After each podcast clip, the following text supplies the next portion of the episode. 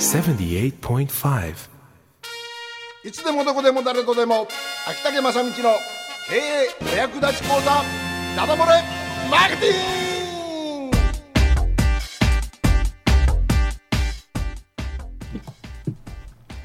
さあということで時刻の方は6時を回りました、FM 北京のスタジオから生放送でお届けしております関門独立共和国、はい。はい。えー、6時になりますと秋竹正道のただ漏れマーケティング、えー、第6シーズン 5? いやあろ5シーズン。かな？5シーズン。かな？っていうのがいいですな、ですね。のえーっと第何回目 ?8 回目ぐらい？かな？な？かな？はい。で今日はテーマが、えーあ営業心理学ということでずっと続いておりますが行為について考えたい。行為と言いますのは、あの 動く、ライクの方。えーいそうだよライク。好き、好き嫌いの、えー行為を抱くうん。の方ね、はいでまあ人はですねこう自分が好意を感じている知人に対してイエスという傾向が極めて強いと。うんうんうん。うん、もうそういうね単純なルールっていうか、まあ、法則というか、あのーやっぱ自分が好きな人がねちょっとお願いって言ってきたら何？うん。いいよと言いやすくなることはもう目に見えて明らかというか。はい。うん。ことですな実はそれがまだそんなに知り合いじゃないのに。相手を知らな知ってる状態じゃないのにまるで私この人が好きだったんじゃないかと。でそういう好意を抱かせるような、うん。えー方法論が実はあるんですってことなんですね。だからあのすごい営業マンっていうのはやっぱその辺を相手に好意を抱かせる技がすごいということは言えると思いますし、それから合コンでモテる人うんもやっぱり相手に好意を抱かせる人が強いと。うん。ね、送ってもらって最後にトイレ貸してって言われてついついイエスと言ってしまうという、うんえーそういうことがですね好意を抱かせる。いかに好意を抱かせるかということになるわけです。でまあこれ営業テクニックっていうかね、そのなんか営業心理学といってね好意ってもうあまりに当たり前すぎるようなことでねあんまりもしかしたら話題にならないかもしれないんですけどこのいかに好意を抱かせるかっていうの。うん。もうちょっとね、えー真剣に考えてもいいかなと。私改めて今これを説明するがために、えー学んで思ったところなんです。うん。うんさあ全体的なですね行為に影響する要因の一つしてまず最初に身体的魅力体のね、えー身体的な魅力、まあまあ、美しいとかあマッチョであるとか、えーそれから、えーまあこれなんですかねファッションうんあたりがね大きく影響するっていうのはまあそれは大体あ、まあ、あの人かっこいいとかね、えーそんな世界ですな。ね、でそんな身体的魅力はこうハロー効果っていうんですね。うん。あのーハロー効果。え才能とかですね、あのーハロー効果っていうのは体のこうね身体的魅力以外にも才能とか親切さとか知性とかですね。その他の特性についてもこう評価を高めてくるという、うんえーまあ、そういうふうな効果がありましてで魅力的な人の方が自分の要求を飲ませたり他者の態度を変化させる際に影響力が強いという、まあ、これもなんとなく分かりますね。あの人が言うんだけね。っていうことですよね、さあもう一つですね、えーこれ、まあ、かっこいいとかかわいいとか、えーそれとは別に今度、えー相手が好意を抱くに類似性。あなんか彼女なんであなたたち付き合ったの？いや私よく似てるんですよとかね。はあはあはよくありますな、えー私たちこう自分と似た人に好意を感じてその人の要求に対してはあまり考えずにイエスという傾向が強いとうん。いうふうになります。あとですねもう一つ、えー類えー、と見た目とそれから類似性ともう一つはですね好意を高めるもう一つの要因で称賛。称賛俗にお世辞でございます。うんいいですねお世辞でございます。うんでこれはあんまりねあのお世辞っぽく言うとえ反感を買われたりするけれども基本的にはお世辞というのは非常に好意を高めるということで、えーイエスを引き出しやすいというふうに言われます。さああとですね、えー私よくほら街づくりとかでも言うんですが、あのー要は新しい場所にポンと飛び込んだ時に、うん最初にやるべきことはやっぱ接触頻度そうですねを上げていくことうんっていうことですね。でこれは、えーとにかく数多く会うことによってこう親密性を高めることができると。でこれも行為を促進すること。うんえーそれからこういうですね街づくりとかでもそれでまずこうやって親密性を高めていくでしょ、うん。えー接触頻度。そしてもっと好意が高める環境っていうのがですねお互いに協力する場を作る。いいですかね？これ連合、うん。何かを一緒にやりましょうとかいう、はいはいはい。えーそういうのを、えー仕掛けていくとすごいなんかちょっとしたワークでもいいんですよね。あのデスクワークでもいいし、うん。ちょっとごめん手伝ってくれるとかですね、うんうんうん。えーそういうのでもこの一緒にやるとこれが、えー好意が高まる確かと、ね、そういうのがありますよね。それからえーっとあとですねスポーツとかもそうなんですけどえー相手とですね違うとかいう感覚うん。私よく言うんですけど、にはいはいはい。敵を作るってやつ。要はですね明確に自分たちに自分たち仲間で連合とか協力とか好意を持たせるためには敵を作る。うん。これは非常に有効なんです。はいはい。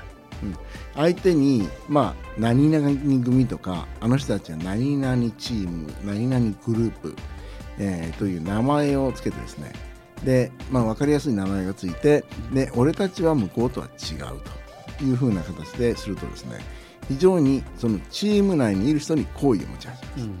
そうするとそのチームの中の人たちは好意持ってますから、えーこっちの世界にいる人たちはお互いにお願いしてもイエスと言いやすいということなんですね。なんかこう考えるとほとんど街づくりの私のやり方を説明しているようなまあまあまあそういうことですね。感じになってしまってですね。えええええ非常に あれなんですけど、あのーもう本当私悪いやつやなと思うんですけど、ええ。そういうふうに、あのーとにかく一緒にな、えまずお世辞も言うでしょ？えうん。お世辞も言うしそれから、えーあと連合して協力体制をとって接触頻度を高め、うん。えーということをしっかりと繰り返していくということですね。うんであと行為はですね、えー、とこれ友達からの紹介っていうのも行為の一部に入ります。う。んうん。そうしますと友達からの紹介になるとどうしても断りづらいと。いうようなことになりますんでね、えーそういうことになりますし。これねあのちょっとインターネットで調べたら出てくるんですが行為とかでですね。う、ん。例えばこんな、えー、とさっきの、あのー外見ですね。外見えかっこいいとか、うん。えーそういうので、えーイエスの確率が高まるということですけどニューヨーク市内のこう刑務所での実験がありまして、えー刑務所でこうカウンセリングなとかをやってですね、うん。社会復帰を受けた受刑者たちよりも要するに整形手術を受けた受刑者たちの方がこう出てからですね、うん。再犯の確率が少ない。ほうほうほうほうほう。カウンセリングでもう見た目変えちゃうと、うんそうすると見た目変えると周りの人もこう他の意味でこう知性とかのハロー効果が生まれてくるんでこの人いい人だと。うんなるほどなるほど。そういうことですね。であとまあお世辞の活用法とすれば、まあ、当たり前のことなんですけど はい。もうね多分これ営業マンアホらしくてしないと思うし上手な使い方が分かんないと思うんですけどはっきり言ってあなたが好きですっていうことを 年に12回出せばほとんどの場合成約しちゃうって話です,、ですね。でもこれが上手に言えないんですね、はいうん、だから例えば今ミクシーとかですねフェイスブックとかありますけどここにですね大好きとかうん。それから相手がしてくれたことを褒めるという意味で嬉しいとかですね、えーこの辺を上手に盛り込めるとですね、えー俗に株が上がるというか好意を持たれやすくなるっていうのはありますね、うん。うん、嬉しいと。か自分の気持ちを素直に出すってことですね、えーあとですね好意を持たれる方法としてですね。えーっとまあそんなもんですかな。うん、同じ集団であればですねっていうか自分は力がないのに力がない。例えば大英ホーあ大英なくてソフトバンクホークスとしましょう、え。そしたらソフトバンクホークスが勝つじゃないですか、うん。勝って仮に優勝して優勝したとしましょうと、うん。そのソフトバンクホークスすごいよねって俺たちすごいよねっていう話になるわけです、うん。自分何もしてないのに。ついついこうソフトバンクホークスとですね一体化させちゃうんですね、えはいはい。自分を、うん。でこういうのをで周りを巻き込んじゃうとそこに本当は全然違うファンなのに人なのにあのもう同じこうなんかな俺たち私たちみたいなのができやすくなってはいでここで行為が非常に生まれてくると。そういう使い方ですね。もあるということです。まあということでこれ行為をですねあのーまあ、理屈的にそのように行為があるとイエスを導きたくなるっていうのがあるんですけどこれが結局みんなその辺分かってると思うんですね。うん。相手に好かれることが大切なんだってことが分かってると思うんです。ところがどっこい現状でそれをするのは難しい。難しい。うん。だから、えーいやはがきそのニュースレターとかねはがきとかこう回数接触頻度で出せばいいですよって言ってもでにわかに信じられないし、うん。でもっと難しい フェイスブックでそれなりに皆さんの好意が引くような投稿すればいいですよって言っても具体的にできないということなんなんですよね。でこの辺はあの一つの私のもう解決策としてあの馬鹿正直に真似してみる。うん。まあそう。ですいやきでもそれ基本ですよね。やっぱね。本当に。ええ本当本当本当。うん。でしっかりとなぜ好かれるのかを人に聞いてみるって話です、うんだから合コン必勝法ってあると思うんですね。うん。あると思うんです。やっぱその時には合コン必勝法をしっかり聞いてですねそれを馬鹿正直にやってみるっていうことが大切だとうん思います、あのー私の知り合いのコンサルがその恋愛コンサルみたいなおー。そういう最初に、えーとね、モテない人にはこういうことをやれっていう課すあこうなんかね、えー、と宿題として出すことがあるんですね、うん。それは街中で100人の女性に「こんにちは」と声かけろっていう話、ほうほうほうほうほう。とにかくん声かけまくれと、うん。え基本的にあのまず相手に好意を持持たれる以前の問題でもう話はできない人たちがいるわけで、だったらもう相手が何と思おうが変な人と思おうがどう思おうがとにかく「こんにちは」と声かけていけと100人、うんうんそうすると体が慣れるからって話ですね。だから相手に好意を持たれるにはやっぱ自分で、えっと試してみてまあこれはうまくいったんだいかないんだっていうことが分からないとですねやっぱりあの身につかないと思うんですね。う、ん。